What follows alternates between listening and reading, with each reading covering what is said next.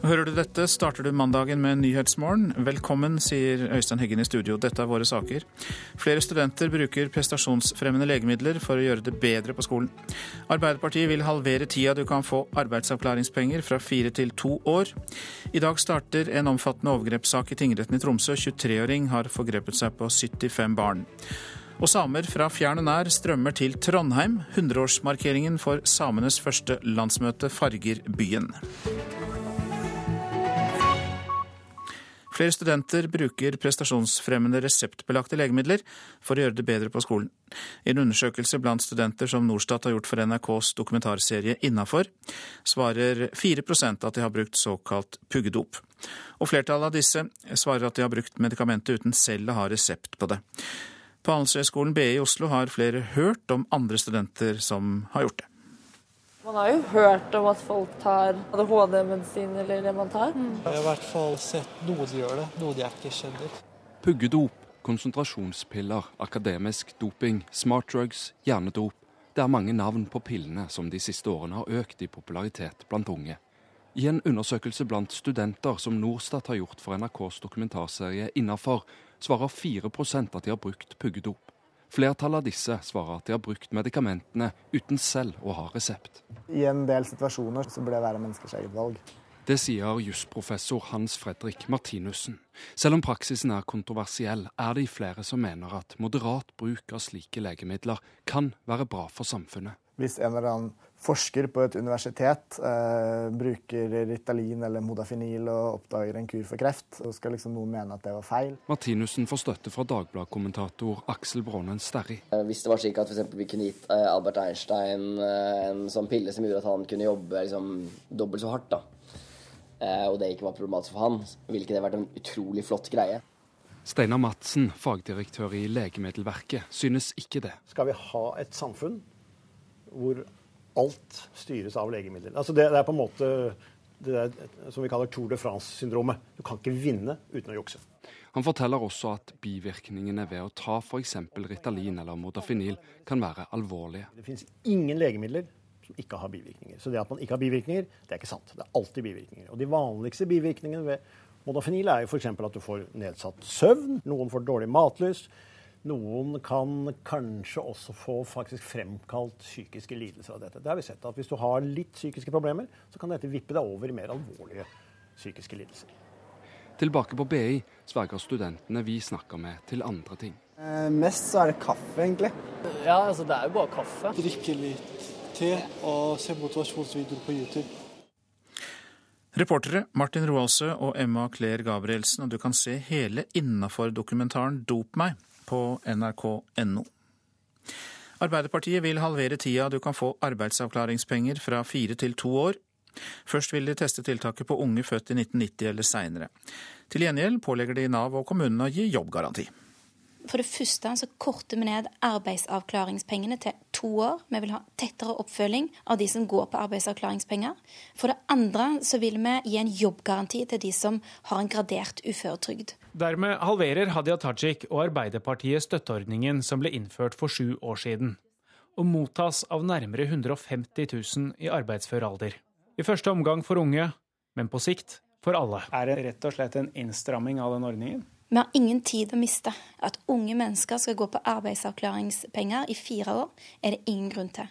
De vil få tilbud om to år. Det kan være unntak for enkelte grupper. Men så eh, vil jobbgarantien slå inn. Nav vil få en forsterka plikt til å skaffe de arbeid. Og i ytterste konsekvens er det kommunene som må stille opp med jobber som tilsvarer deres kompetanse og arbeidsevne. Men hun har ikke planlagt noen konsekvenser hvis man ikke vil ta jobben. Og det er bare 1000 på arbeidsavklaringspenger i gruppen med unge som først skal få halvert tiden de kan få støtten.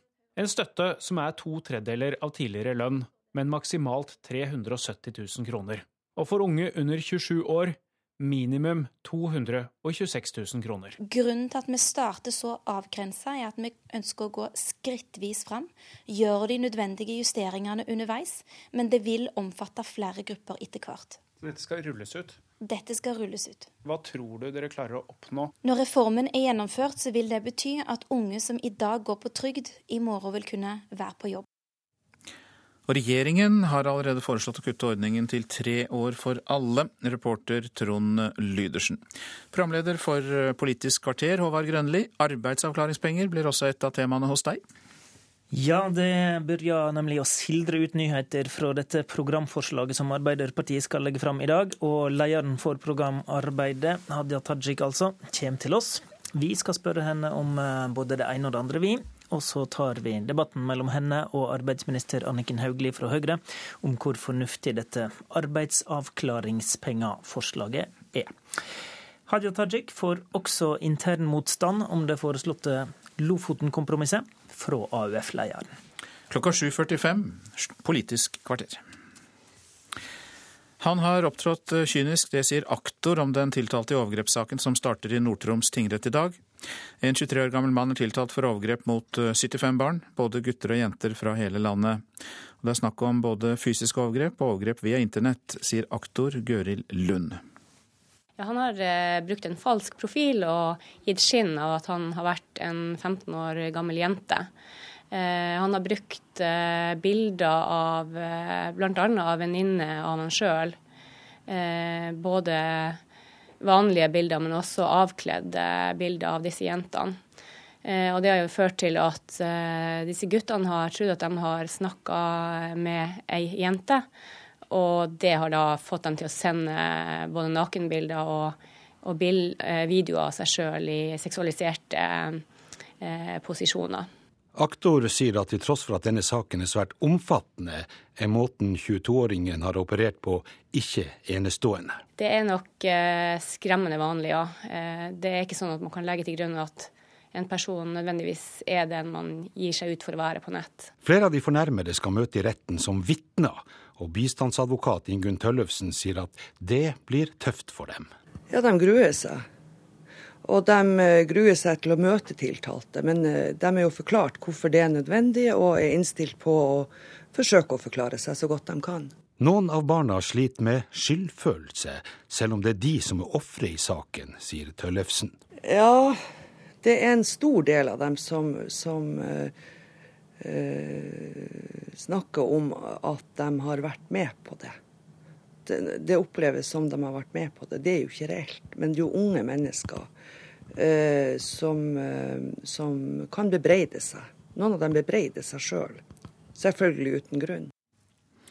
Og den tiltalte vil erkjenne de fleste forholdene når rettssaken starter i dag. Det sa hans forsvarer Sven Krogh til NTB i går. Reporter her var Tom Søpstad. Så tar vi fatt i avisene. Det må bli mer forståelse for samene som folk, sier sametingspresident Vibeke Larsen på 100-årsdagen for det første samiske landsmøtet. Hun sier det til Dagsavisen. Vi må skrives inn igjen i landets historie, sier sametingspresidenten. Klassekampen skriver om Elsa Laula Renberg, som samlet samene i 1917 og arrangerte det første samiske landsmøtet. 100 år senere er ikke målene nådd, hevder hennes biograf, og snart er i Nyhetsmorgen får du høre mer om markeringen av 100-årsdagen, der kongen og statsministeren også skal være til stede. Innvandrere får mindre kreft, er oppslaget i Aftenposten. Det er ikke-europeiske innvandrere som rammes sjeldnere av tarmkreft, brystkreft og lungekreft. Sykdommer som ofte skyldes livsstil. Lege Washim Sahid ved Oslo universitetssykehus sier at innvandrere har mer plantebasert kosthold. Senterpartiet får over 10% oppslutning på siste meningsmåling gjort for VG, noe som er beste resultat på 30 år. Det er en fordel å snakke så folk forstår det, sier partileder Trygve Slagsvold Vedum i en kommentar. Importen av ost økte med 8% i fjor, skriver Nasjonen. Nå frykter bøndene at importveksten fører til kutt i melkekvoten. Melkebonde Lenita Salte fra Skrettingland på Jæren ber politikerne ta grep. Fem av Statoils seks gigantutbygginger skal komme utenlands de neste tiårene, og i flere verdensdeler. Den største av dem kan bli et gassfelt i Tanzania, kan vi lese i Dagens Næringsliv. Men fagforening advarer mot Statoil-satsing i utlandet, det kan vi lese i Stavanger Aftenblad. Selskapets gjeld øker, og vi vil at Statoil skal bruke mer penger på leting på norsk sokkel, sier leder av YS-foreningen Safe, Bjørn Asle Teige. Jeg hører knaselyder fra øyeeplet, og når jeg selv blunker med øynene, forteller Gro Kamsvåg til Adresseavisen. Årsaken er at hun har fått høysensitiv hørsel. Nå skal hun opereres hos en spesialist i USA for 350 000 kroner, som hun betaler selv. Endelig ingen mobbing, sier elever på Byremo videregående skole i Vest-Agder til Fedrelandsvennen. For ti år siden svarte 12% av elevene at de hadde blitt mobbet. Nå er tallene null. Og det krever systematisk arbeid, sier rektor Jan Tellaug, som laget en egen trivselsplan med mange tiltak sammen med elevene. Været det kan bli helt avgjørende under herrenes VM-åpning av St. Moritz. I dag braker det løs med trening, og onsdag er det klart for super-G. Men for Norges største favoritt, Kjetil Jansrud, kan det være fint at været er slik, eller i hvert fall vanskelig å forutse. Rett og slett fordi han er god til å vente. Ja, det stjeler en del energi, og det holder seg oppe og klar for å kjøre renn. La oss si hvis det fort kan bli utsatt start med to, tre, fire timer, som har skjedd før. Så da er det viktig å og senke seg litt ned igjen og, og gjøre andre ting. Det er meldt mye snø i St. Moritz. Og mye snø betyr ofte utsettelser for Kjetil Jansrud og de andre alpinistene i VM. Dette er en ventetid som kan avgjøre renn før det i det hele tatt har startet. Det, det som ofte skjer, da, er at uh, det kan gjerne bli utsatt med et kvarter om gangen. Uh, I hvert fall på renndager, noen ganger også på treningsdager, hvor ja, prøver man å være litt rutinert og ser opp og ser at her skjer det sannsynligvis ingenting innen en time eller to, så er det veldig mange som, ikke, som står og bruker energi på da, et kvarter til, et kvarter til, et kvarter til, eh, og er her oppe, og det koster for mye. Men for Jansrud, som er klar for sitt femte VM, kan dette være en søvnig fordel. Jeg liker jo det. Jeg, eh, jeg får det til. Eh, men det er jo på en måte min måte å roe ned hodet på. Ikke så mye kroppen, det er bare med for å vite at kroppen får lov til å hente seg litt inn igjen, sånn at man er klar til å, til å være ordentlig fokusert eh, når det gjelder. Og det er igjen, da, tror jeg litt individuelt hvordan det løses. Men jeg er blitt Man skulle tro det blir verre og verre med årene, at man sover mer og mer, men det er faktisk omvendt. Det er, det er, veldig, det er veldig, lenge siden at jeg har tatt meg en blund en. Reporter var Marte Nyløkken Helseth. Nå til sport, men også politikk i USA. Det var tidenes opphenting i den amerikanske fotballfinalen Superbowl da New England Patriots vant over Atlanta Falcons på overtid. President Donald Trump spådde vinneren da han ble intervjuet av TV-kanalen Fox rett før kampen, men han svarte også på kritikken mot innreiseforbudet. Trump sa at hans administrasjon ikke hadde gjort noe feil, selv om innreiseforbudet ble stanset av dommere i helgen. So I'll say the Patriots will. By how many points? By eight points. All right. Jeg spår at The Patriots vinner med åtte poeng, sa president Trump minutter før kampstart. Og det viste seg å være en imponerende spådom. Oh, Etter å ha ligget under med 20 poeng startet laget fra New England en imponerende opphenting mot The Atlanta Falcons. Patriots vant årets Superbowl med seks poeng etter den første ekstraomgangen i historien for finalen i amerikansk fotball. Mer enn 110 millioner mennesker så finalen, og Trump fikk dermed stor uttelling for intervjuet han ga Fox før kampstart. Der fortalte han Fox-programleder Bill O'Reilly at han ikke angrer på måten innreiseforbudet til USA for mennesker fra sju land ble gjennomført på. You wouldn't do anything differently if you had to do it over again? Look, I in mean, life some you of your do people things. didn't really know what the order was. Well, that's not what General Kelly said. General Kelly, who's now Secretary Kelly, he said he totally knew. He had 109 people out of hundreds of thousands of travelers. Det forløp veldig greit. Bare 109 av hundretusener av reisende ble rammet, sa presidenten. Han ble også nok en gang spurt hvilket forhold han venter å ha til president Putin. Og da O'Reilly spurte om ikke den russiske presidenten kan anses som en drapsmann, svarte president Trump følgende. A lot of killers. We got a lot of killers. Why, you think our country's so innocent? You think our country's so innocent?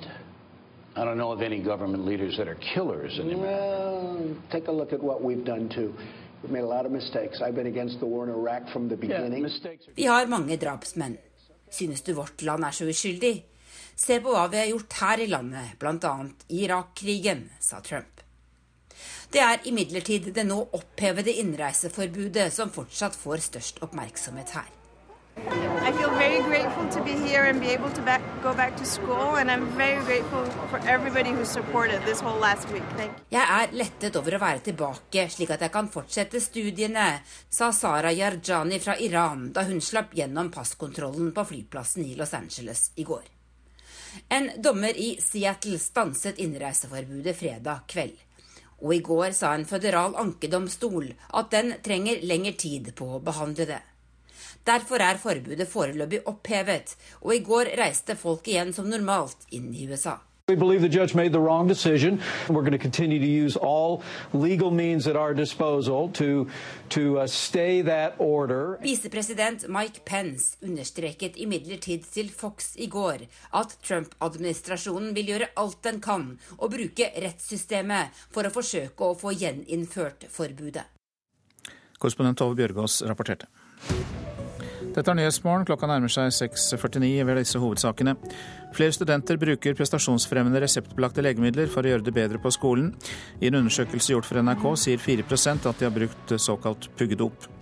Arbeiderpartiet vil halvere tiden du kan få arbeidsavklaringspenger fra fire til to år. Først vil de teste tiltaket på unge født eh, i 1990 eller seinere. Og Skatteinntektene fra boligutleie på Airbnb utgjør lite for statskassen, viser en masteroppgave. Mer om det etter klokka sju. Trondheim er pyntet og klar for en samisk festuke. I dag er det nøyaktig 100 år siden samenes første landsmøte ble arrangert i Metodistkirken midt i sentrum. En begivenhet av stor historisk betydning for hele den samiske befolkningen. Også for den unge urbane sørsamen Johan Stenfjell. Jeg har eh, gleda meg lenge. Jeg eh, var jo her på 80-årsmarkeringa. Så jeg gleder meg 20 år nå til, til 100-årsmarkeringa. Hva betyr det for dere sørsamer at man klarer å skape et så stort arrangement knytta til dette 100-årsjubileet? Ja, det er kjempemektig. Det er jo, byen har så mye historie, og, og det er kjempesterkt at, at denne samisk-politiske oppvåkninga er en del av den historien. Kjempeartig, og det er jo ærefullt. Og en selvfølge at jubileet skal være her. Johan Stenfjell er 29 år, fysioterapeut og bosatt i Trondheim. En urban sørsame yr av begeistring over dette historiske jubileet som preger byen, og som han aktivt skal ta del i. Så skal man ha oversikt, så må man sette seg ned og, og se hva er det som skjer, og hvor skjer det, og skrive ned så ikke man går glipp av noe. Og så må man prioritere.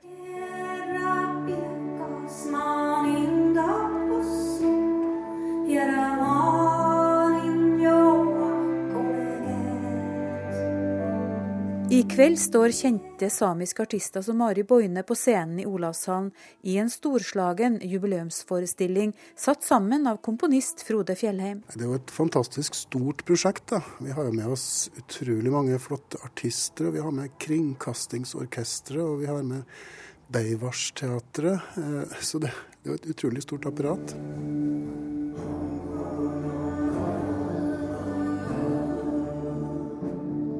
Gjennom tekst og bilder, dans, musikk og joik fortelles historier om folket ved iskanten og ildstedene. Hele konsertforestillingen er en feiring av livet. Altså, Den samiske kulturen kanskje i Trøndelag har kanskje vært litt, sånn, litt usynlig, og, men den er jo en selvfølgelig del av vår alles kulturarv. Og det er veldig flott da å synliggjøre uh, den samiske kulturen som en selvfølgelig del også av Trondheim, Trondhjems historie og kulturuttrykk. Johan Stenfjell har sikra seg billett til forestillinga, og syns det er stas at det er i Trondheim de nå feirer dette store jubileet. Ja, selvfølgelig. Vi er jo minoritet i minoriteten. Og det var jo vi som merka, merka behovet for å organisere oss først. Og det kommer folk fra hele Nordkalotten hit nå og skal delta på fest og feiring, så det blir det er kjempestas. Reporter var Grete Tobro. Og Magne Ove Warsi, gratulerer med dagen. Ja, takk og gratulerer til deg òg. Takk skal du ha. Vi hørte jo litt om alt som skal foregå i Trondheim i dag gjennom dette innslaget. Du er jo med oss fra Trondheim, fra studio der, og du skal eh, både rapportere og kommentere på vegne av oss i NRK i dag. Kongen skal jo delta i tilbakeføringen av samisk kulturarv på Erkebispegården. Hva innebærer tilbakeføringen? Ja, Tilbakeføringen av eh, samisk kultur er jo eh, dette med å gi tilbake eierskapet til eh, de som eh, rettmessig eier eh, gjenstandene. Og det er eh, et samarbeid mellom museet på Bygdøy og Norsk Folkemuseum og, og, de samiske museene. Og Der er det snakk om 4000 gjenstander som da skal tilbakeføres over tid. Og I, i går så ble det åpnet en utstilling på Vitenskapsmuseet ved NTNU eh, som heter 'Hvem eier historien?' Og Der er det bl.a. en eh, runebomme som er fra 1600-tallet som ble konfiskert av eh, Thomas von Westen, som var samenes eh, apostel, som han ble kalt da. Og den ble da beslaglagt eh, etter at eh, to sørsamer prøvde å flykte til Sverige med den. Og etter hvert så ble den da gitt til eh, en eh, tysk hertug som bryllupsgave, og da har den havnet i Meininger-museet der. Uh, og hva var det som var så viktig med den runebommen? Ja, Den er jo viktig fordi det er uh, Den er beskrevet, og denne Thomas von Westen han har uh, forhørt disse samene, og de har forklart hva symbolikken i, i denne runebommen betyr. Og det er en slags dokumentasjon av samisk religion og, og verdensanskuelse. Veldig viktig, helt åpenbart. Eh, men tilbake 100 år, eh, hvorfor ble det møtet i Trondheim så viktig? Eh, Møtet i Trondheim det var egentlig samenes eidsvollsamling, samenes eidsvollmenn, bare med den forskjell at her var det kvinner som sto bak. og Det var Elsa Laula Renberg og hennes samiske kvinneforening, Brurskanken samekvinneforening, som var hovedorganisatorer. Og eh, Elsa Laula Renberg hun er jo en pioner og en forkjemper for samisk språk, kultur, samiske næringer og rettigheter. Hun var en visjonær eh, kvinne. Hun var sta og iherdig, og hun var frittalende og ertet på seg veldig mange, og ble i norske og svenske aviser eh, til del med ukvensord og, og sjikane. Men hun så da at problemet for samene var kolonisering, og løsningen var organisering. Og da samlet hun 150 samer fra Sverige og Norge til, til Trante, som Trondheim heter på sørsamisk. Og der startet den samiske politiske mobiliseringen som vi har sett uh, har ført til f.eks. dannelsen av Sameting i Norge, Sverige og Finland. Hjertelig takk skal du ha, Magne Ove Varsi, en av våre fra NRK som skal være til stede og rapportere og kommentere i dag. I dag blir det klart hvem som får jobben som ny direktør ved Nasjonalmuseet. Det nye museet blir et av Europas største når det står ferdig om tre år, og jobben anses som eh, en av de viktigste lederjobbene i Kultur-Norge. Hovedtillitsvalgt Ida Bronken sier Forskerforbundet vil støtte den nye lederen uansett hvem styret velger, men så innrømmer hun at hun er spent. Hvilken følelse har du for dette her? Jeg personlig er nervøs. Hvorfor det? Fordi det er så viktig, og fordi vi vet jo ingenting om hvordan dette blir. Men det er meg personlig. Er, da snakker jeg ikke på vegne av medlemmene mine. Men jeg kan tenke meg at flere andre også er litt nervøse. Brunken ønsker ikke å kommentere navnene som står på søkelisten, men svarer på følgende spørsmål. Men kan man si at det nå er viktigere enn noen gang hvem som blir direktør for eh, Nasjonalmuseet? Det er sant. Det er utrolig mye som skjer. Det er så mye spennende, så mye viktig, så mye dyrt og så lite tid. Nasjonalmuseet er bl.a. inne i en stor flytteprosess. Det bygges nytt museum på Vestbanen, og mer enn en halv million museumsgjenstander skal flyttes. Godt og vel fem milliarder kroner er bevilget for å få bygget et av Europas største museer. Jobben som direktør for Nasjonalmuseet anses som en av Kultur-Norges viktigste lederjobber. Audun Eckhoff har hatt denne jobben i åtte år, og han er også en av dem som står på søkelisten. Som situasjonen er, peker jo Eckhoff seg ut i, som en ganske selvfølgelig ny direktør. Det sier professor i kunsthistorie Øyvind Storm Bjerke. Er dette et dårlig tidspunkt å ansette et, en ny direktør for museet? Ja, det er et kjempedårlig tidspunkt. Eh, det er ikke uro omkring eh, verken faglige eller organisatoriske spørsmål eh, som den institusjonen trenger akkurat nå. Det som er viktig for Forskerforbundet nå, det er å bidra til å skape eh, støtte rundt styrets avgjørelse uansett hva de bestemmer seg for. Ida Brunken i Forskerforbundet, og reporter var Mari Sand Malm. Så tar vi for oss eh, værvarselet. Østafjells. Liten østlig kuling på kysten. Vest for Oksøy oppe i sterk kuling. Skyet vær, litt snø, vesentlig da vest for Oslofjorden. Nedbør som sludd eller regn på kysten. Fjell i Sør-Norge øst og sørøst opp i stiv kuling utsatte steder. Mot kvelden sterk kuling i Langfjella. Skyet og litt snø i østlige fjellstrøk. Ellers perioder med sol. Vestland og Trøndelag utover dagen økende til østlig stiv eller sterk kuling utsatte steder. Ellers mye pent vær på Vestlandet og i Trøndelag. Nordland sør for Bodø opp i stiv sørvest-sørøst eh, skal det være. Kuling utsatte steder og pent vær. Troms og Finnmark på kysten sørvestlig opp i liten kuling, mest vind i Finnmark. Mye pent vær, men på kysten rundt Nordkapp litt snø av og til. Så var det Spitsbergen. Sørvest liten kuling utsatte steder. Det er oppe i sterk kuling i nord og øst. Litt regn eller sludd. Snø i fjellet. Mest nedbør i vestlige områder av Spitsbergen. Så tar vi for oss temperaturene. Disse ble målt klokka fire i natt. Svalbard lufthavn pluss fire. Kirkenes minus fem. Varde minus fire. Alta minus sju. Tromsø minus to. Bodø null. Brønnøysund pluss to. Trondheim-Værnes pluss tre. Molde minus én, Bergen-Flesland pluss to, Stavanger pluss fire, Kristiansand-Kjevik pluss én.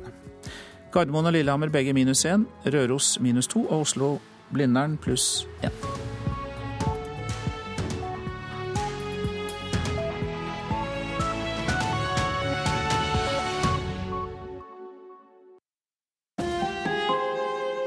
Hør ekko. Det er 100 år siden samenes første landsmøte og starten på kampen for rettferdighet. Samefolkets dag feires med brask og bram i Trondheim, eller troante som det heter på sørsamisk. Og Ekko spør hva betyr det å være same i 2017? Er det nok å bære kofte til fest? Hør Ekko. Ekko 9 11 i NRK P2. Studenter bruker medisiner for å gjøre det bedre på eksamen. Og mange av ofrene i den store overgrepssaka som starter i Nord-Troms i dag, skylder seg sjølve. Her er NRK Dagsnytt klokka sju. Flere studenter bruker prestasjonsfremjende, reseptpliktige medisiner for å gjøre det bedre faglig. I en undersøking gjort for NRK svarer 4% av de spurte studentene at de har brukt det som blir kalt puggedop. Dette skjer, sier de studentene vi møtte på Handelshøgskolen BI i Oslo. Man har jo hørt om at folk tar ADHD-medisin eller det man tar. Mm. Puggedop, konsentrasjonspiller, akademisk doping, smart drugs, hjernedop. Det er mange navn på pillene som de siste årene har økt i popularitet blant unge. I en undersøkelse blant studenter som Norstat har gjort for NRKs dokumentarserie Innafor, svarer 4% at de har brukt puggedop. Flertallet av disse svarer at de har brukt medikamentene uten selv å ha resept. Jeg har i hvert fall sett noe de gjør det, noe de ikke skjønner. Reporter Martin Roaldsø. Og hele TV-dokumentaren kan du se på nrk.no. Ofra i den store overgrepssaka som starter i Nord-Troms tingrett i dag, gruer seg til å møtes som vitne. Det sier bistandsadvokat Ingunn Tøllefsen. En 23 år gammel mann er tiltalt for overgrep mot 75 barn, både gutter og jenter fra hele landet. Selv om barna er offer, er det mange av de som skylder seg sjølve, forteller Tøllefsen. Ja, det er en stor del av dem som snakker om at de har vært med på det. Det oppleves som de har vært med på det. Det er jo ikke reelt. Men det er jo unge mennesker som kan bebreide seg. Noen av dem bebreider seg sjøl. Selv. Selvfølgelig uten grunn. Og det er eh, snakk om både fysiske overgrep og overgrep via internett. Mannen som er tiltalt, vil vedgå de fleste skyldningene. Det sa forsvareren hans, Sven Krogh, til NTB i går.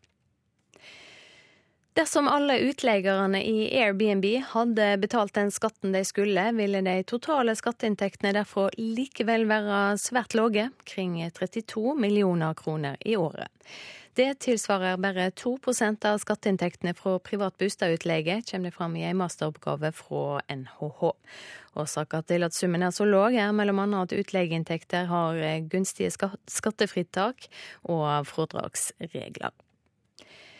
Og Denne veka blir NRK sine radiokanaler borte fra FM-bandet i Trøndelag og Møre og Romsdal. Fra onsdag av må folk i disse områdene lytte til DAB-radio og nettradio for å få inn NRK. P4, Radio Norge og lokalradio blir fremdeles å høre på gamle radioer i de to fylkene fram til 21. april. NRK Dagsnytt, Silje Sande. Nyhetsmorgen fortsetter med disse sakene. Økt antall dataangrep og et mektigere Russland, det er blant advarslene Forsvarets etterretningstjeneste legger fram i dag. Delingsøkonomien bidrar lite til statskassen, hørte vi i Dagsnytt. Et utvalg legger fram sin rapport om delingsøkonomien i dag. Et av medlemmene kommer hit, Forbrukerrådets Randi Flesland. Den afrikanske union går inn for at afrikanske land kollektivt skal melde seg ut av den internasjonale straffedomstolen. Og flere tonn uh, sau og lam ligger på lager, men kjøttet når foreløpig ikke fram til oss forbrukere. I dag klokka ti legger sjefen for Etterretningstjenesten Forsvaret fram sin årlige trusselvurdering. Generalløytnant Morten Haga Lunde kommer til å fokusere på at antall dataangrep mot Norge øker. Han vil fokusere på terrorfaren og at Russland blir en stadig mektigere og militær supermakt. Ifølge Etterretningstjenesten er det blitt stadig vanskeligere å oppdage russiske ubåter utenfor Norge pga. en ny russisk teknologi. En russisk ubåt klargjøres for oppdrag ved et kaianlegg i Murmansk. Sakte glir det enorme fartøyet ut gjennom den trange fjorden og videre mot Barentshavet. Der skal den være i uker, kanskje måneder. Under vann er den nærmest lydløs. Om bord er avanserte rakettsystemer og atomvåpen kraftigere enn 1000 Hiroshima-bomber. Mannskapet skal trene og patruljere, følge med på det som skjer, overvåke briter, amerikanere og nordmenn.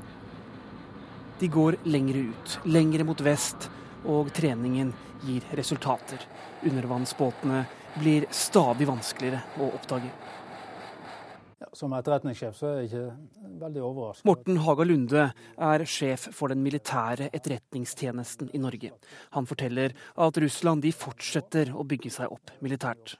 Russland militært ser vi jo en modernisering. Eh, vi ser tilførsel av nye ubåter, nye overflatefartøy og også eh, nye fly eh, til vårt hovedfokusområde, som da er Nordvest-Russland og Kolahalvøya spesielt. De satser også på godt utvikla teknologi når det gjelder undervannsbåter, så de blir stadig vanskeligere å detektere. Dette er lyden av russernes nyeste kampfly, en MiG-35 som snart vil være å se i nordområdene. For Norge er det viktig å kartlegge hva russerne har av militære kapasiteter. Dag legger Etterretningstjenesten frem sin årlige trusselvurdering. Til tross for russernes militære gjenoppbygging, så utgjør de ikke noen trussel mot Norge. Militært så opptrer de korrekt. De ønsker ikke å provosere Norge eller Nato i nord. Vi ser et mønster med profesjonelt russisk forsvar i nord. Eh, de har aldri eh, eh, kommet inn over norske grenser. De har forholdt seg til de reglene som gjelder der. og det Min oppfatning er at de oppfører seg i henhold til de lover, regler og avtaler som, som gjelder, og er en profesjonell eh, militær styrke. Men Russland provoserer på andre måter enn militært, ifølge etterretningssjefen. Krigshandlingene har flyttet seg til det digitale rom, der hackerne er blitt frontsoldater med sine datainnbrudd og cyberangrep.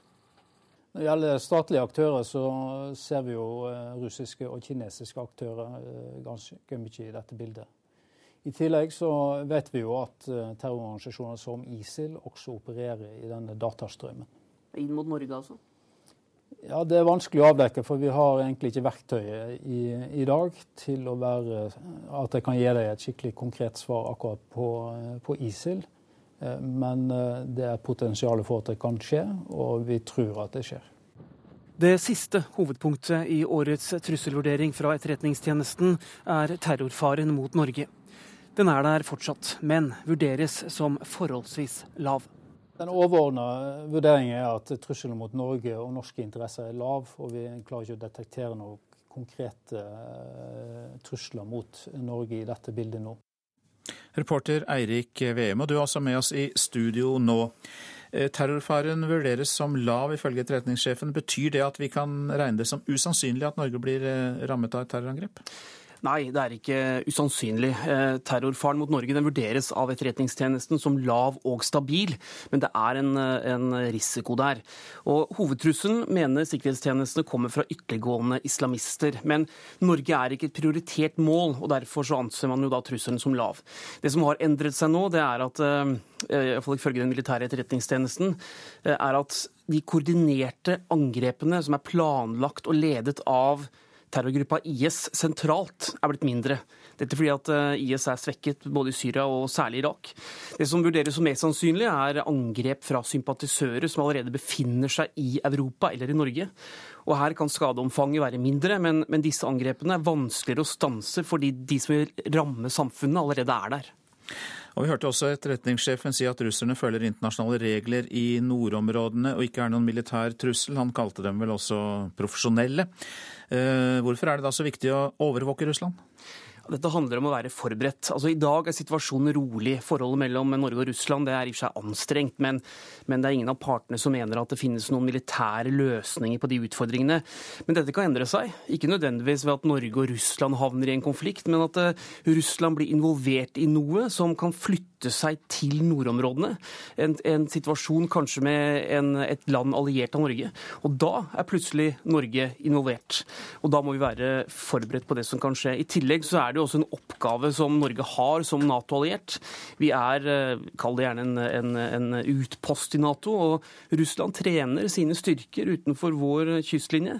Og da vil det være å svikte våre forpliktelser hvis Norge da ikke fulgte med på dette her og kartla de kapasitetene som finnes. F.eks. at eh, russiske ubåter er blitt vanskeligere å oppdage for Nato-fartøy.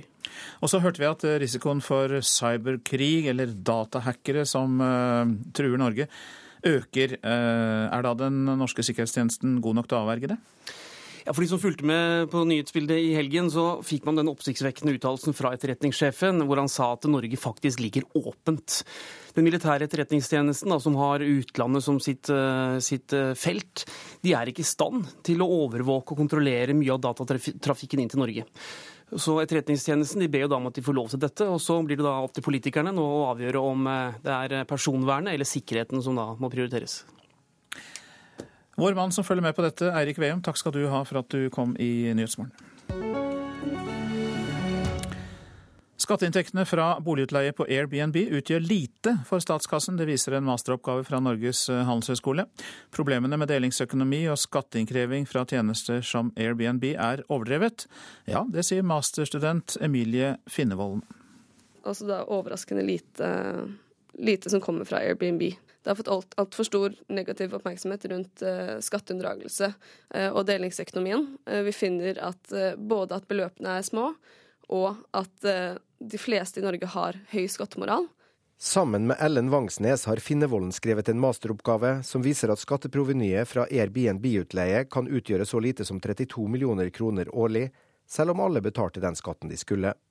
Beløpet tilsvarer kun 2% av skatten fra privat boligutleie. Grunnen er eh, både at det genereres færre inntekter på Airbnb enn det mange tror, men også til dels at disse utleieinntektene er underlagt gunstige skattefritak og fradragsregler, som gjør at da skatt til slutt blir et eh, relativt lite beløp.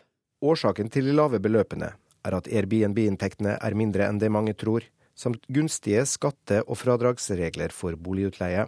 Men i seg selv så er ikke delingsøkonomien et stort problem når det kommer til skatteunndragelse. Skattedirektør Hans Christian Holte vil likevel ikke være med på at tallene er så små at delingsøkonomien ikke er noe å bry seg om. Det er jo en forventning om at delingsøkonomien eh, vokser eh, i den generelle økonomien. Og, og, det vil jo vise seg, men mye tyder jo på at eh, volumene eh, på disse områdene kan bli større enn det vi ser eh, bl.a. i denne rapporten. NHO Reiseliv etterlyser på sin side konkurranse på like vilkår.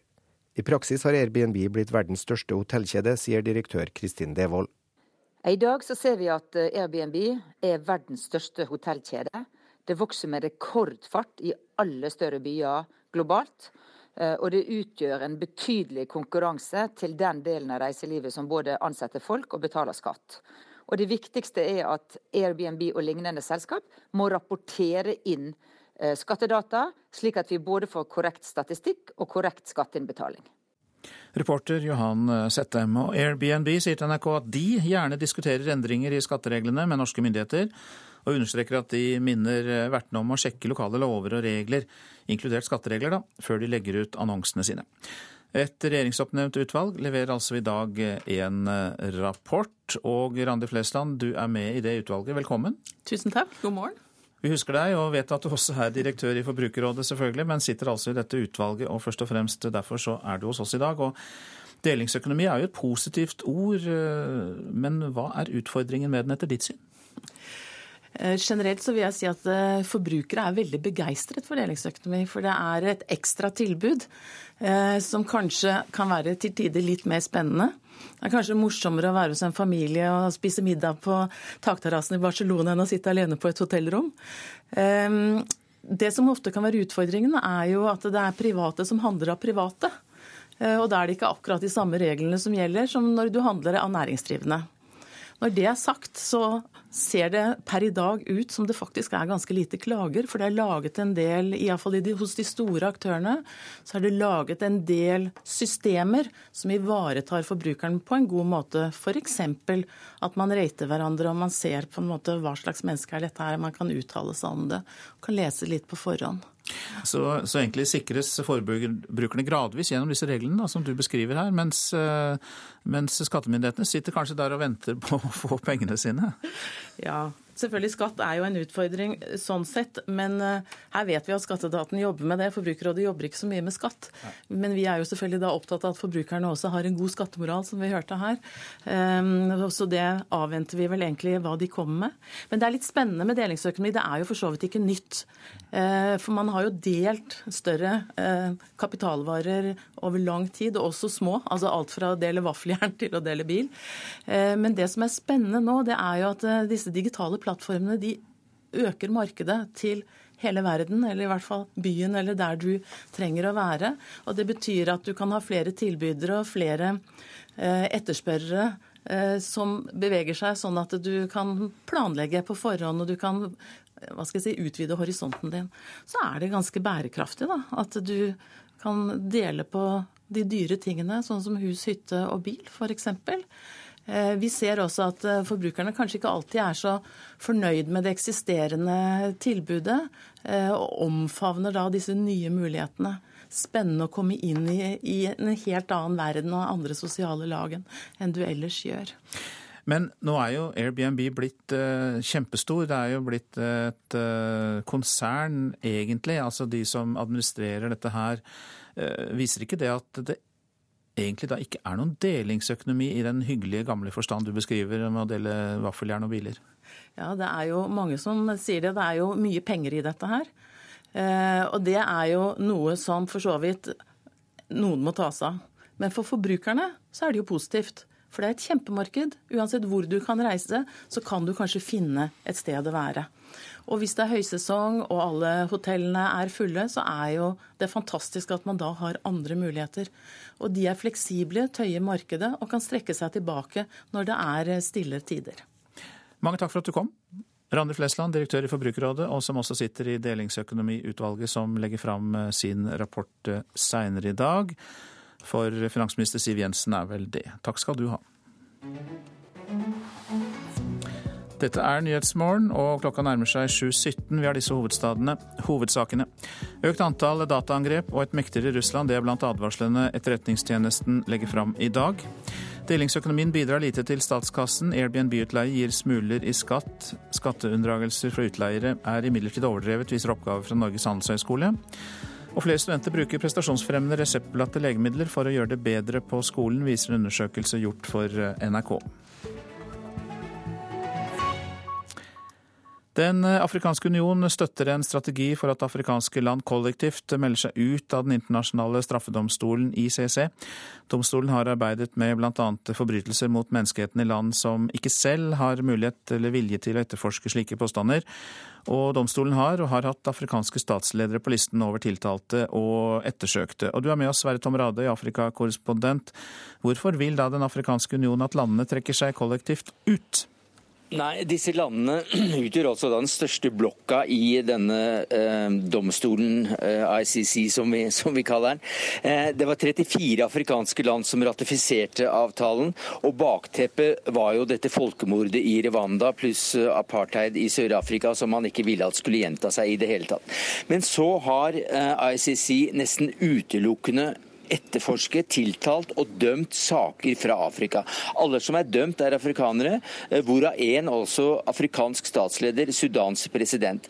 Og Afrikanske land mener nå at eh, ICC er blitt en ren Afrikadomstol på Vestens premisser, og at, også, at domstolen også kan gå for regimeskifte i Afrika når det nå sikter og tiltaler eller dømmer statsledere som er lovlig valgt av folket. Det er bakgrunnen for at mange afrikanske land og AU nå går inn for kollektiv utmeldelse. Og Sofie Høgestøl, velkommen til deg også. Du er i studio, forsker ved Norsk senter for menneskerettigheter. Eh, ut ifra det vår korrespondent sier her, kan man da forstå at det ja, nærmest belastede uttrykket negerdomstol er blitt spydig brukt om dette? Man kan forstå det, men eh, det er viktig å tenke på at grunnen til at ICC, hovedgrunnen til at ICC har etterforsket afrikanske land, er fordi at de fleste afrikanske land har spurt om det selv. Så dermed så uh, mener du at de ikke har noen grunn til å trekke seg ut, fordi de tidligere har bedt om etterforskning? Nei, uh, det, det, det, er litt sammensatt. Jeg tenker at uh, Problemet til ICC er ikke at de etterforsker disse ni afrikanske landene. Problemet er jo at det har vist seg å ikke være handlekraftig nok til å etterforske land utenfor Afrika. Og Det gir jo et inntrykk for afrikanske ledere som man kan skjønne, hvor de føler at domstolen bare er lagd for de. Men det må jo også med i historien her at de afghanske landene som ønsker å trekke seg ut, er til dels motivert av den faktoren at de ønsker en domstol hvor de selv har immunitet fra domstolen. Ja, vi bør jo ta med her at verken USA, Russland eller Kina er med i denne domstolen. Det er jo en eh, viktig del av det bildet vi skal uh, tegne. Uh, Sverre Tom Radøy, hvor nær er de afrikanske landene en slik kollektiv reaksjon og utmeldelse? Det, det, er litt uklart. I det utkastet til eh, resolusjon som jeg har lest, så er det ingen tidsfrist eller kollektiv binding eh, som ligger til grunn. Men eh, utka, utkastet peker på at de, man ønsker en kollektiv utmeldelse, samtidig som man peker også på mulige endringer i domstolen selv. Men uansett så er dette et svært sterkt signal om at svært mange land vil trekke seg ut av domstolen, om ikke alle de 34 landene land det er snakk om. Det er jo noen land som sier de gjerne vil fortsette, bl.a. Mali og Nigeria. Så det store spørsmålet sånn internasjonalt rettsmessig, det er jo hva i all verden skal domstolen da gjøre hvis Afrika trekker seg ut? Det spørsmålet sender vi jo direkte til forskeren ved Norsk senter for menneskerettigheter. Blir det da noe igjen for domstolene å gjøre? Nei, dette er en totalkrise for ICC. Domstolen fyller 15 år i år, eh, og som jubileumsgave har den fått eh, nå den største krisen den kunne hatt. Ehm, og eh, hvis vi løfter blikket litt fra Afrika, så er det jo slik at ICC nå eh, tilsynelatende har satt overfor en, en, beslutning om å åpne en etterforskning i Afghanistan. Det vil også treffe USA. Um, og det har den ikke gjort etter at Trump har blitt valgt som president. Uh, og litt av grunnen til det er nok at det hadde vært veldig politisk vanskelig for domstolen å gjøre det. Uh, og det du ser hvis du løfter blikk fra Afrika, er at Russland er sterkt imot domstolen. USA med Trump som leder virker å være mer imot domstolen enn de har vært før. Og det betyr at det er ikke bare de afrikanske landene som skal trekke seg ut. det er også også stormaktene som nå rotter seg sammen mot domstolen, og det er en total krise. Så hvordan er da status for det å forsvare menneskerettighetene globalt gjennom lov og orden? Nei, dette er jo den største tilbakeskrittet for det internasjonale straffeprosjektet som vi har sett siden 1991, antageligvis. Og, det betyr jo at f.eks. i Burundi, hvor man, har, eh, hvor man er i en, en, veldig negativ voldsspiral nå, så har ikke eh, domstolen legitimitet eller handlekraft til å gå inn og hindre det som noen kaller for et vordende folkemord. Og det er svært alvorlig. Mm. Sverre Tom Radøy, eh, hvis vi ser på de som faktisk har vært eh, ettersøkt, de har jo hatt mye å svare for. Ja da, det er klart at uh, sånn sett så har sikkert domstolen en uh, berettigelse, men den er også svært skjevt i, sitt, uh, i sitt anslag. Her i Kenya så var man veldig oppgitt over at både Kenyas statsminister, nei, president og visepresident var både siktet og tiltalt, men de slapp da unna pga. bevisets stilling. Sånn at det er klart det er som mange som har mye å svare for, men de mener at dette her er ikke en rettferdig fordeling av skyld på, på verdensbasis. Nå skal det også sies at eh, Gambia, eh, Burundi og Sør-Afrika allerede er i prosessen å melde seg ut. slik at det, er, det kommer til å bli mange land som melder seg ut, uansett om akkurat det kollektive utmeldelsen blir noe av. Til slutt, eh, Sofie Høgestøl. Eh, ser du hele tatt noe lys i tunnelen for eh, Den internasjonale straffedomstolen hvis så mange afrikanske land kollektivt melder seg ut? Jeg tror det blir veldig vanskelig, men ICC har også vært en institusjon som ikke har fungert optimalt de siste 15 årene. Jeg tror at denne krisen vil, føre, vil måtte føre til endringer i domstolen, og det kan på sikt være en positiv ting. Mange takk skal dere ha. Fra Norsk senter for menneskerettigheter, Sofie Høgestøl, som er forsker der, og vår Afrikakorrespondent Sverre Tom Radøy. Så skal jeg ta for meg det avisen er opptatt av i dag. Det må bli mer forståelse for samene som folk, sier sametingspresident Vibeke Larsen på 100-årsdagen for det første samiske landsmøtet. Hun sier det til Dagsavisen. Vi må skrives inn igjen i landets historie, sier eh, Larsen. Klassekampen skriver om Elsa Laula Renberg, som samlet samene i 1917 og arrangerte det første samiske landsmøtet i Trondheim. 100 år senere er ikke målene nådd, hevder hennes biograf. Innvandrere får mindre kreft, er oppslaget i Aftenposten. Det er eh, ikke-europeiske innvandrere som rammes sjeldnere av tarmkreft, brystkreft og lungekreft. Sykdommer som ofte skyldes livsstil. Lege Washim Sahid ved Oslo universitetssykehus sier at innvandrere har et mer plantebasert kosthold. Senterpartiet får over 10% oppslutning på siste meningsmåling gjort for VG, noe som er beste resultat på 30 år. Det er en fordel å snakke så folk forstår det, sier partileder Trygve Slagsvold Vedum. Importen av ost økte med 8% i fjor, skriver Nasjonen. Nå frykter bønder at importveksten fører til kutt i melkekvoten. Melkebonde Lenita Salte fra Skrettingland på Jæren ber politikerne ta grep. Fem av Statoils seks gigantutbygginger skal komme utenlands de neste tiårene, og i flere verdensdeler. Den største av dem kan bli et gassfelt i Tanzania, kan vi lese i Dagens Næringsliv. Men fagforening advarer mot Statoils satsing i utlandet, kan vi lese i Stavanger Aftenblad. Selskapets gjeld øker, og vi vil at Statoil skal bruke mer penger på leting på norsk sokkel, sier leder av YS-foreningen Safe, Bjørn Asle Teige. Jeg hører knaselyder fra øyeeplet, og når jeg blunker med øynene, forteller Gro Kamsvåg til Adresseavisen. Årsaken er at hun har fått høysensitiv hørsel. Nå skal hun opereres hos en spesialist i USA for 350 000 kroner, som hun betaler selv. Endelig ingen mobbing, sier elevene på Byremo videregående skole i Vest-Agder til Fedrelandsvennen. For ti år siden svarte 12% av elevene at de hadde blitt mobbet. Nå er tallene null. Og det krever systematisk arbeid, sier rektor Jan Tellhaug, som laget en egen trivselsplan med mange tiltak sammen med elevene. Det er nå mer enn 3000 eh, tonn sau- og lammekjøtt på lager i Norge, og det er i ferd med å bli et problem. Lageret er over dobbelt så stort som det var for et år siden, tolv ganger så stort som i 2015, og det er ventet at dette kjøttlageret skal vokse i løpet av dette året. Kjøttbransjen mener dagligvarehandelen må jobbe hardere for å legge lam i butikkhyllene. En av aktørene er kjøttbedriften Fatland i Sandnes. Det lukter rått kjøtt i trappa ned til kjøttproduksjonsbedriften Fatland. Men ikke lam. For på reguleringslageret til Nortura ligger det nå svimlende 1000 tonn sau og 2200 tonn lammekjøtt. Lammekjøttlageret har vokst til det dobbelte på ett år. Og prognosene er 1000 tonn til på lageret i løpet av 2017. Konsernsjef Terje Wester viser vei. Nei, I Norge så var vi i en situasjon fram til 2014 der vi har hatt underskudd på lam. Mange så muligheten til å investere i nye bygg og utvide sin produksjon. Så gjennom 2015 og også i 2016 så har produksjonen vært større enn det som har gått ut i handelen i Norge. En skulle kanskje tro at et stort lager gjorde at prisen gikk ned, men det skjedde ikke. Tvert om gikk prisen på lammekjøtt bitte litt opp i 2016, ifølge Norsk institutt for bioøkonomi.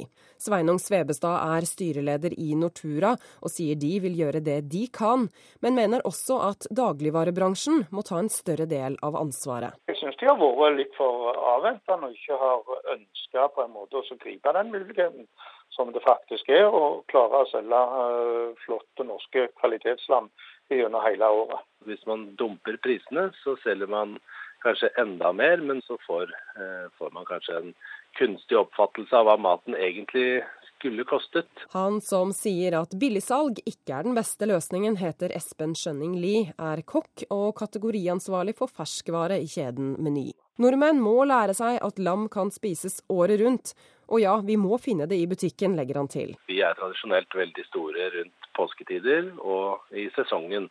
Så det vi ønsker å gjøre, er å tilby enda mer av det lammekjøttet som ligger på lager. I tillegg til at vi må produktutvikle mer mot en sesong hvor man tradisjonelt ikke har spist så mye lam, f.eks. da grillsommeren. En tredjedel av alt norsk pinnekjøtt er laga her. Hos Fatland i Sandnes henger flere hundre fenalår til modning. Det er fenalår ja, som eh... Fatland står utenfor Nortura-systemet, men håndterer 20% av alt lammekjøtt som selges i Norge. Terje Wester tror det er mulig å bli kvitt det store overskuddet. Hvis vi skal eh, redusere lageret i år, eller helst ned til null, så bør hver av oss ete tre måltider ekstra med lam i 2017. Da løser vi både det som selges ferskt, og vi og løser det som i dag ligger på fryselager. Og det er det vi ønsker. Reporter i Sandnes var Mari Rollag Evensen. Produsent for Nyhetsmorgen Eli Bjelland, og her i studio Øystein Heggen. Er det Kina som skal redde verden fra klimakrisen? Det tror noen forskere. Mer om det i reportasjen etter Dagsnytt. Og i Politisk kvarter mange unge går lenge på arbeidsavklaringspenger. Hvordan samfunnet skal komme ut av den floken, det er et av temaene som behandles der når klokka er eh, kvart på åtte.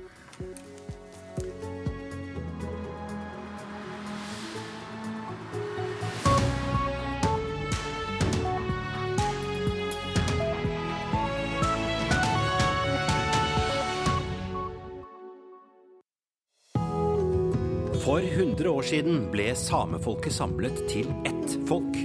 Ololihku samial opeive abbudemi.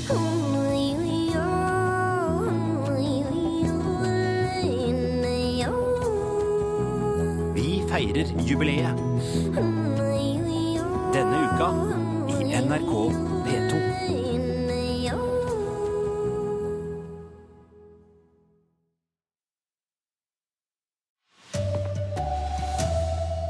Dataeksperter er de nye frontsoldatene. I dag kommer trusselvurderinger fra Forsvarets E-tjeneste.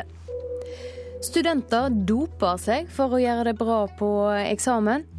Og Arbeiderpartiet vil kutte ned på arbeidsavklaring og heller innføre jobbgaranti. God morgen, her er NRK Dagsnytt klokka 7.30. Det blir stadig flere nettangrep mot Norge. Det er et av hovedpunktene når etterretningstjenesten i Forsvaret i dag legger fram si årlige trusselvurdering. Generalløytnant Morten Haga Lunde legger også vekt på terrorfaren og at Russland blir en stadig mektigere militær supermakt. Dette er lyden av russernes nyeste kampfly, en MiG-35, som snart vil være å se i nordområdene. For Norge er det viktig å kartlegge hva russerne har av militære kapasiteter. I dag legger Etterretningstjenesten frem sin årlige trusselvurdering.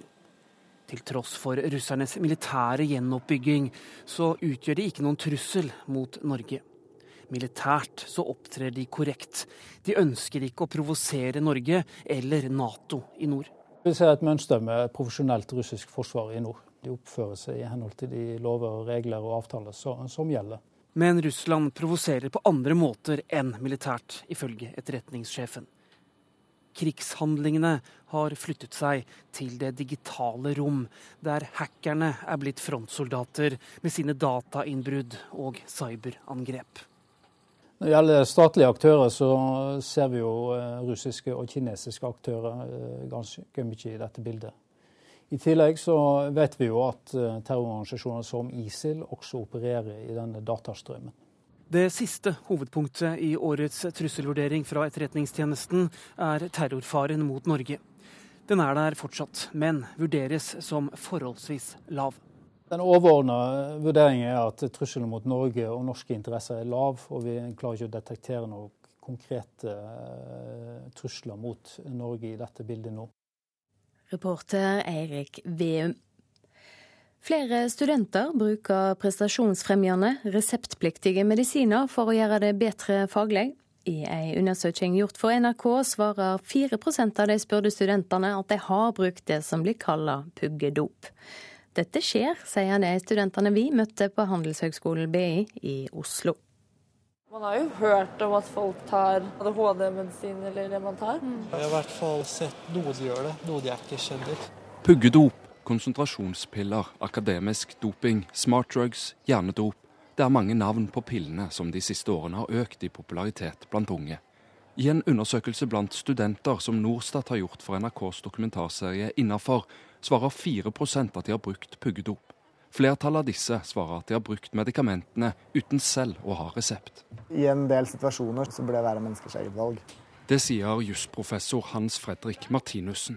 Selv om praksisen er kontroversiell, er det flere som mener at moderat bruk av slike legemidler kan være bra for samfunnet. Hvis en eller annen forsker på et universitet eh, bruker Ritalin eller Modafinil og oppdager en kur for kreft, så skal liksom noen mene at det var feil. Martinussen får støtte fra Dagbladet-kommentator Aksel Brånen Sterri. Eh, hvis det var slik at for vi kunne gitt eh, Albert Einstein eh, en sånn pille som gjorde at han kunne jobbe liksom, dobbelt så hardt, da Eh, og det ikke var problematisk for han, ville ikke det vært en utrolig flott greie.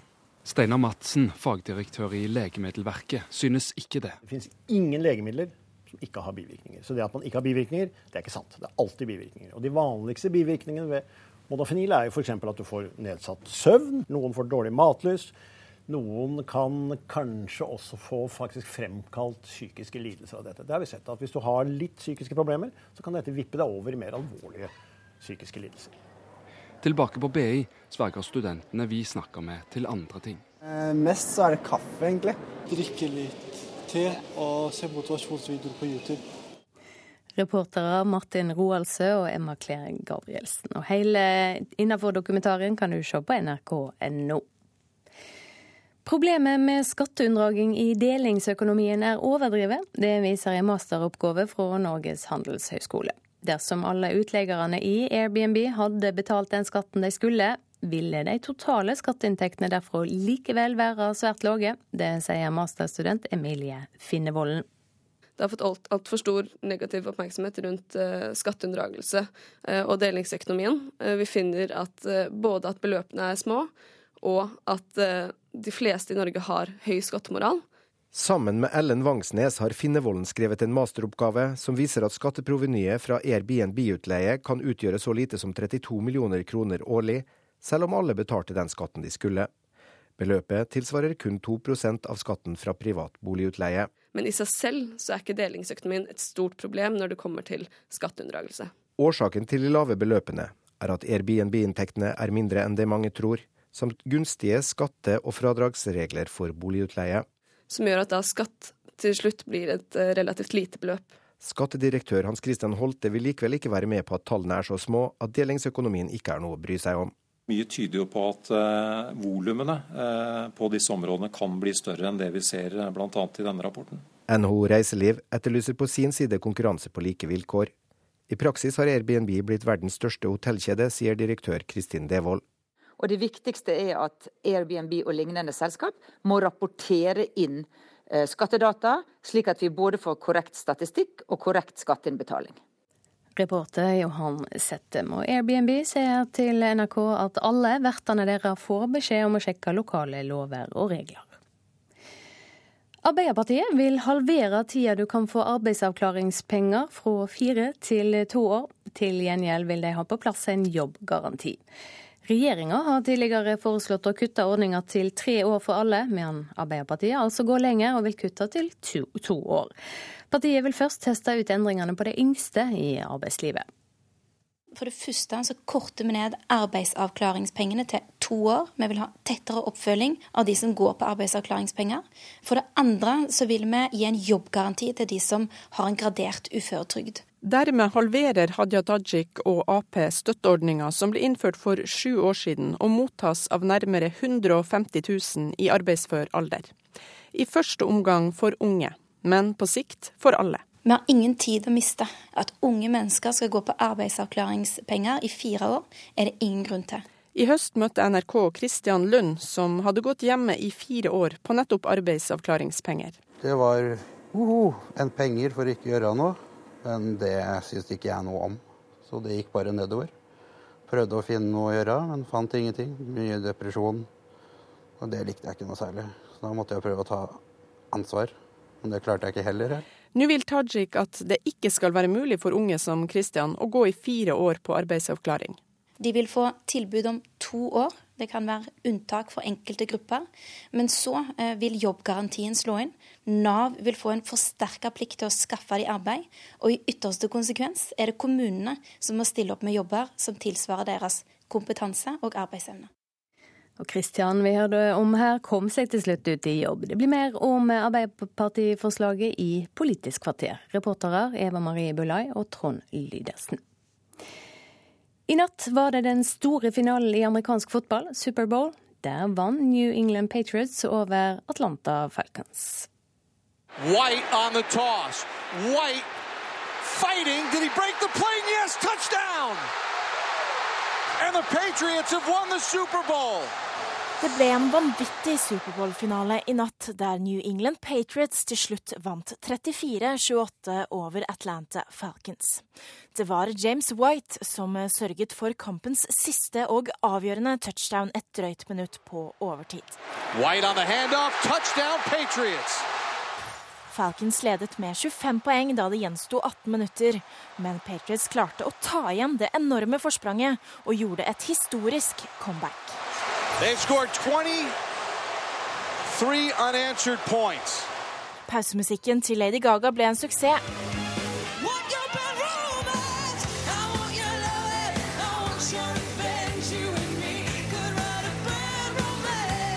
Det ble også Patriots quarterback Tom Brady. Tom Brady with a performance Brady er første quarterback til å vinne fem Superbowl-titler, men vant nattens tittel på en helt annen måte enn planlagt, forteller han. Exactly you know,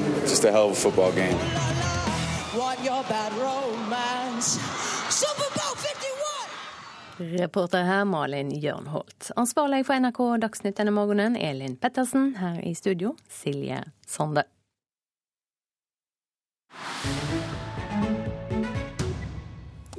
Og det er Nyhetsmorgen du lytter til nå. Er det Kina som skal redde verden fra klimakrisen? Det tror noen forskere som følger denne gigantiske miljøverstingen. Knut Alfsen fra Cicero sitter i Kinas råd for miljø og utvikling, og han mener Kina kan komme til å spille en nøkkelrolle. Inger Marit Kolstadbråten har laget denne reportasjen. Hvis Kina ikke takler klimaproblemet, så er det et globalt problem for oss alle. Den eneste måten å, å møte denne utfordringen på, er faktisk at, er å håpe og tro at Kina går opp i front og, og gjør det som må gjøres. I just uh, went to the Oval Office and found this beautiful letter from President Obama.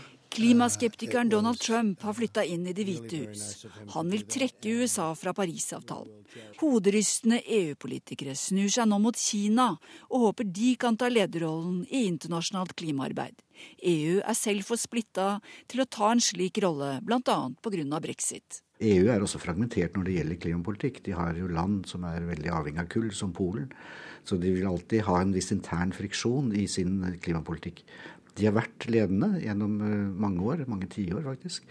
Eh, men det er klart at de vil også eh, ønske at Kina trekker mer, eller tar et klarere lederskap i det globale klimapolitikken. In fact, you could say that China has changed now from the factory of the world to the clean tech laboratory of the world.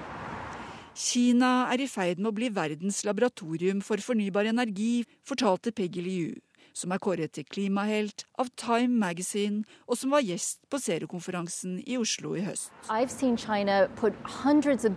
dollars, and now trillions of dollars actually, into clean energy of all sorts, not just solar, not just wind, but things like metro, things like high-speed rail, things like nuclear, hydropower. Kina investerer nå hundrevis av millioner av dollar i sol- og vindenergi, og er allerede verdensledende på dette feltet men mer skal det bli.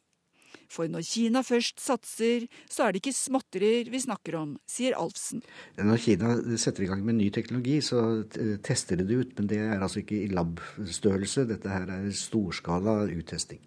I den forstand at de bygger hele byer, eller setter hele byer til å teste ut denne nye teknologien. Et annet eksempel er det de nå gjør på høyhastighetstog. Det aller meste av det som finnes av høyhastighetstog i verden i dag, finnes faktisk i Kina. De, de bygger en høyhastighetslinje, og langs denne linjen, langs stasjonene, så bygger de opp helt nye byer. Og de gjør det ikke bare pga. dårlig luft og klima. De vil også tjene penger. For mange eksperter mener at det ligger store penger i fornybar energi i framtida, som allerede holder på å utkonkurrere kull og olje og annen fossil energi på pris. Men alt er ikke rosenrødt, for Kina bygger samtidig også mange nye kullkraftverk. Så det store spørsmålet er vil Kina klare å redusere utslippene så mye at det monner? Og slik at temperaturen i verden ikke stiger mer enn to grader, slik målet er? Jeg tror det er eh, veldig sannsynlig, faktisk. Og det henger delvis sammen med track recorden til Kina. De har det med å faktisk oppfylle eh, de målene de setter seg. Men også i stor grad fordi at eh, erkjennelsen av at de har et problem, eh, er så dypt integrert i alle politiske deler av Kina. Eh, et eksempel er at eh, sjefsøkonomen i People's Bank of China, altså nasjonalbanken i Kina, Ma Jun, skriver en bok om hvordan luftforurensningsproblemer skal løses, som argumenterer for at Kina øyeblikkelig bør begynne med å redusere sitt kullforbruk, f.eks. Og når økonomer og styrende ledere på alle nivåer og i alle deler av Kina eh, ser problemet, så tror jeg de kommer til å klare å løse det. Hovedsaker i nyhetene. Økt antall dataangrep på et mektigere Russland. Det er blant advarslene Etterretningstjenesten legger fram i dag. Delingsøkonomien bidrar lite til statskassen. Airbnb-utleie gir kun smuler i skatt, viser oppgave fra Norges handelshøyskole. Flere studenter bruker prestasjonsfremmende legemidler for å gjøre det bedre. 4% bruker såkalt puggedop, viser en undersøkelse gjort for NRK. Og Arbeiderpartiet vil halvere den tida du kan få arbeidsavklaringspenger, fra fire til to år. Partiet vil heller innføre en jobbgaranti. Så nærmer vi oss Politisk kvarter. Det er ved Håvard Grønli.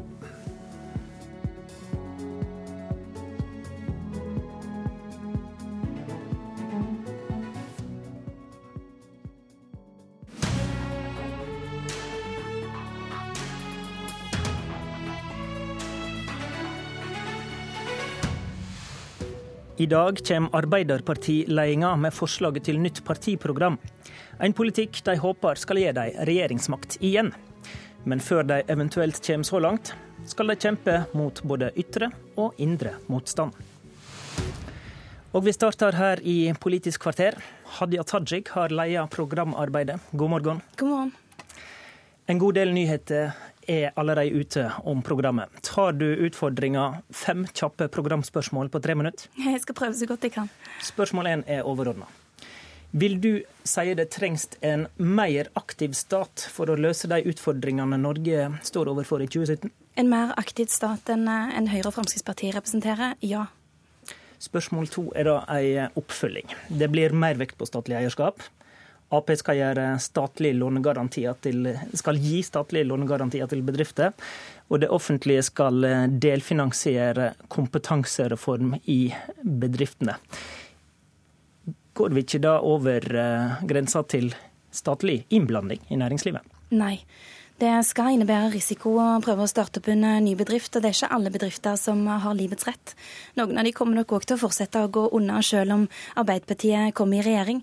For å ta statlige, statlige lånegarantier som eksempel, så er det noe som finnes i en del andre europeiske land, uten at det har betydd at eh, staten har eh, begynt å gripe inn i næringslivet. Det de gjør, er at de støtter opp om næringslivet. Spørsmål tre. Staten skal bestemme en makspris for hva kommunene kan ta i SFO-betaling, og hvor mange lærere det må være i en kommune. Tenker du at det gjør noe med den fridommen kommunene har? Først og fremst så gir det foreldre forutsigbarhet for hva, det, hva slags tilbud er det de får for ungene sine på skolefritidsordningen. Derfor stiller vi krav om eh, makspris og vil stille krav om eh, kvalitet og innhold. Men kommunene må òg ha økonomi til å kunne gjennomføre dette, ellers så blir det jo bonden på hender og føtter, som du Men sier. Men gjør det noe med fridommen? De trenger mer penger. Og vi har i våre alternative budsjetter foreslått 3 milliarder kroner mer enn det regjeringen har. Dermed så kan vi òg ha høyere ambisjoner for f.eks. skolefritidsordningen. Ap åpner for en tredje kjønnskategori, i tillegg til mann og kvinne. Hva blir kriterier for å kunne kalle seg hen? Det vi skriver i partiprogrammet, er at vi vil vurdere å åpne for en tredje kjønnskategori. Så vi har ikke tatt stilling til alle kriteriene, men vi mener at det er grunnlag for å se nærmere på dette. I Danmark har man det, i Australia har man det. Og det fins en fagrapport fra 2015 som òg anbefaler norske politikere om å se nærmere på dette. Men det jeg lurte på er hvem kan kalle seg dette? Altså I utgangspunktet er det eh, personer som man i dag karakteriserer som transkjønnede. Eh, F.eks. altså personer som eh, anser seg sjøl som både eh, litt mann og litt kvinne. Hva inngangskriteriene skal være, det tror jeg vi må gjøre en grundig utredning for å konkludere på.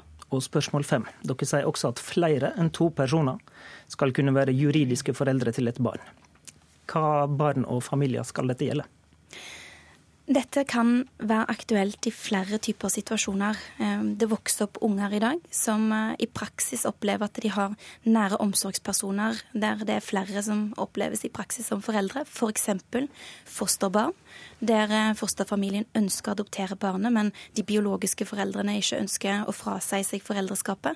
Da kan det tenkes at det av hensyn til barnet bør finnes juridiske ordninger som ivaretar arverett velferdsordninger knytta til alle de som i praksis fungerer som foreldre. Men dette er nytt. Det er ting som må utredes og vurderes skikkelig, og hensynet til barnets beste skal veie tyngst. Ok, det var tre minutter og tolv sekunder. Og Der lå det antageligvis minst fem Politisk kvarter-debatter, men vi skal ta den om arbeidsavklaringspenger nå, som vi har fortalt om eh, i dag tidlig. For å få arbeidsavklaringspenger må du ha arbeidsevne som minst er redusert til det halve pga. sykdom eller skade. Ei hodepine har vært at mange unge havner på denne ordninga og går der lenge. Arbeiderpartiet vil nå halvere den tida der unge kan få arbeidsavklaringspenger fra fire til to år. Og Tajik, hvordan hjelper det de unge? Det Vi foreslår, vi ser jo at det har aldri vært så mange unge på uføretrygd som det det er i dag. Og mange av de har en arbeidsevne, ønsker å bidra. Og ikke minst så har de òg ressurser som samfunnet vårt trenger. Så har vi tenkt hvordan kan vi nærme oss dette? Vel, noe av det vi ser på, er å korte ned tiden på arbeidsavklaringspenger. Man må følge opp tettere òg mens eh, disse unge menneskene går på arbeidsavklaring, sånn at de får den bistanden de trenger for å bygge mer kompetanse. Men vi har ingen tid å miste. Så etter at eh, det har gått eh, f.eks. to år på arbeidsavklaringspenger, så må det slå inn en garanti for at de faktisk kommer i arbeid. Så første, Den første delen av denne jobbgarantien vil være at Nav får en forsterka plikt om å tilby dem en jobb som samsvarer med kompetanse og arbeidsevne. Men det, i ytterste konsekvens så er det kommunene som vil få en plikt til å kunne tilby og stille til rådighet jobber som disse unge kan ha. Ok, Betyr det at de skal jobbe i kommunen, da? Nei, de må ikke det. Nav kan inngå avtaler men i, med lokale Men i siste instans, som du var innom nå? Nav kan inngå avtaler med lokale aktører og bedrifter. Hvis det ikke finner en løsning for den unge, så er man nødt til å ha en aktør på banen som faktisk kan tilby jobb. Og kommunen er en av de første, eller største velferdstilbyderne i landet vårt. De har mange ulike typer jobber. I park, i anlegg, kultur, idrett. Altså Det kan være flere ting som kan være aktuelle. Anniken Hauglie, arbeids- og sosialminister fra Høyre. Vil du støtte tanken om å redusere arbeidsavklaringspengeperioden fra fire til to år? Altså først vil jeg gi Arbeiderpartiet honnør for at de nå innser at den ordningen som de innførte i 2010 har store svakheter. Det påpekte jo Høyre da vi var i opposisjon, og vi foreslår nå en rekke endringer i ordningen. Fordi vi ser at for mange har kommet inn i den, de har fått for dårlig oppfølging, og de er der eh, altfor lenge. Men det som Arbeiderpartiet foreslår, det er jo ikke eh, veien å gå. Eh, det at kommunene skal få større ansvar, det er for det første ikke noe nytt. at Det, det forslaget har vært lansert tidligere. Det ble den gangen slått ned på. Kommunene har jo en type altså, For det første så er det ikke gitt at kommunene sitter med en masse ledige stillinger. Det er jeg sikker på at de ikke gjør. Nå kan jo kommunene svare for seg. Men kommunene har jo også stillinger som krever særlig eh, kompetanse. Eh, og så må jeg også si, som tidligere lokalpolitiker, så er det verdt å minne om at eh, arbeidsavklaringspengeordningen er en statlig ordning. Det er staten som bestemmer hvem som skal komme inn, hvilken oppfølging man skal få, hvor lenge man skal være der. Kommunene har ingen mulighet til å påvirke ordningen. Men her skal de også få ansvaret for å, for å gi jobb til de som har vært i ordningen. Og så må jeg bare si til akkurat det med altså Jeg er enig i at man bør være på ordningen kortere tid enn i dag, og det har vi også foreslått. Dere, dere vil bare redusere det til tre? Ja, no, ja altså har, Nå har vi ikke fremmet forslag for Stortinget ennå. Vi har ulike modeller som vi har foreslått. Og tre, ingen, tre ingen av, av dem går lavere enn tre? Nei, og, og, noe av det som man må huske på, det er at det to år uh, er ganske kort tid. Hvis man f.eks. skal bruke utdanningstiltaket, som er det mest effektive, mm. det vil la man få miste muligheten med Arbeiderpartiets forslag, og det er veldig uheldig. fordi for mange av disse unge vil kreve uh, utdanning, og den muligheten vil de miste med dette. Ok, Ta det siste først. da. Det blir for, rett og slett for kort. Tajik. Vi kommer til å innføre dette gradvis og på en grundig og skikkelig måte. Vi avgrenser i første omgang dette til å gjelde unge født i 1990 eller seinere, eh, og dra erfaringer av det når vi utvider ordningen. Det som eh, Hauglie jo òg sier, er at det ikke er sånn at kommunene har mange uløste oppgaver som disse unge kan settes til. Vel, jeg tror at hvis du spør en kommune om de har uløste oppgaver som de hadde trengt økonomi til å kunne gjennomføre, de hadde trengt folk til å kunne gjennomføre, så vil de aller fleste kommuner svare ja på det. Ok, og Det betyr at staten skal betale dette, da? For det betyr kommunene. at staten vil kunne kompensere for merkostnadene ved det å eh, være med på å ansette flere folk. Men det vil ikke fungere som en f.eks. en okay. lønnstilskuddsordning. En lønnstilskuddsordning ville jo kompensert for arbeidsevnen man ikke har, men her er det snakk om å sørge for at kommunen har økonomiske rammer til å faktisk ansette flere folk til reelle jobber. Hvordan høres det ut, Hauglie? Nei, altså Lønnstilskudd er det mest effektive tiltaket man har, og er sånn sett å foretrekke. Men det er jo på en måte litt sånn paradoksalt at før jul så stemte også Arbeiderpartiet imot aktivitetsplikt for friske sosialhjelpsmottakere under 30. Og nå skal man da ha en aktivitetsplikt for uh, folk som har vært i et lengre okay, men, men, men ta økonomien i det, da. Hvis, hvis, staten betaler for at kommunen skal kunne tilsette disse vi snakker om her, da, i en, i en prosent, er ikke det OK, da? Jo, men jeg synes hele Forslaget om at kommunene skal få en plikt til å ansette de som kommer på arbeidsavklaringspenger, jeg synes hele forslaget er dårlig. Det er mye bedre at man styrker lønnstilskuddsordningen. At bedrifter, kommunale som private, at de kan få lønnstilskudd for å ansette folk. Og det er jo heller ingen andre som har en, en jobbgaranti. Det som regjeringen har foreslått, som vil, som vil nå målgruppen mye bedre, det er bl.a. aktivitetsplikt for unge sosialhjelpsmottakere under 30. Det er Arbeiderpartiet imot. En egen ungdomsinnsats i Nav Eh, som også, og Den er til erstatning for Arbeiderpartiets tidligere garantier, som viste seg ikke ha effekt. Og vi har også bedret ungdom under, ungdoms rett til videregående opplæring. At vi har tettet okay. gapet mellom voksenrett og ungdomsrett. Tajik, det er et tiltak som vil hjelpe denne Kort til slutt, Tajik. Det har alltid vært mulig å knytte aktivitetsplikt til sosialhjelp. Arbeiderpartiet har alltid vært for det. Og når Høyre har eh, prøvd å løfte fram dette forslaget, er det Arbeiderpartikommuner de har dratt til for å se og for å vise fram hvor godt det fungerer. Vi avslutter den debatten der. Takk til deg, Anniken Hauglie. Dersom man skulle bevege seg over til varig vern, så vil det være langt fra det Arbeiderpartiet alltid har stått for. Og jeg tror ikke det vil få eh, tilslutning i fagbevegelsen heller. Det sa Arbeiderpartiets ordfører i Hassel, Siv Dagny Aasvik, i Lørdagsrevyen om kampen om Lofoten og Vesterålen, som nå står i Arbeiderpartiet. Ledelsen har foreslått et slags kompromiss, der det blir konsekvensutgreiing bare i det sørligste Nordland 6-området, mens de to områdene lenger nord blir freda for nærmeste periode. Men verken oljetilhengerne som vi hørte her, eller naturvernerne i partiet er fornøyde, og nå er det heftige dragkamper i partiet før landsmøtet. AUF-leder Mani Hussaini, du sa til Dagsrevyen at det er uredelig å komme med et vedtak om konsekvensutgreiing av Nordland 6 i kommende periode. Hvorfor det? Jeg mener eh, det forslaget som Arbeiderpartiet har levert, er et godt utgangspunkt, men at eh, det kan bli bedre dersom man også sier nei til konsekvensutredning av Nordland 6 i denne stortings, eller i kommende stortingsperiode. Og Grunnen til det er at det som kommer til å skje, vi kommer til å få det største kunnskapsdokumentet eh, som eh, viser hvordan vi forvalter våre ressurser eh, i de områdene. Hvordan vi forvalter fisken, olja, skipsfart osv. Det kommer i 2020. Jeg mener at det er, I en såkalt forvaltningsplan? I forvaltningsplanen. Og der, der kommer vi til å få mange gode svar på om det er mulig med sameksistens eksistens. alle som er opptatt av kunnskap, burde vente til det dokumentet kommer. Og det mener jeg også Arbeiderpartiet bør gjøre. Ok, Og du mener, om jeg forstår det rett, at dette, dette er ikke et kompromissforslag? Nei. Hvorfor er det ikke det, når det Nei. kombinerer vern og konsekvensutgreiing? For, for, det første så er det ikke vern. Man legger til grunn at man skal se på Eh, Nordland 7 og Troms 2 i forbindelse med nettopp forvaltningsplanen i 2020 som jeg snakker om. Mens man tar, man tar ut Nordland 6 som en, en, en egen greie og, og sier at man skal hastekonsekvensutrede det.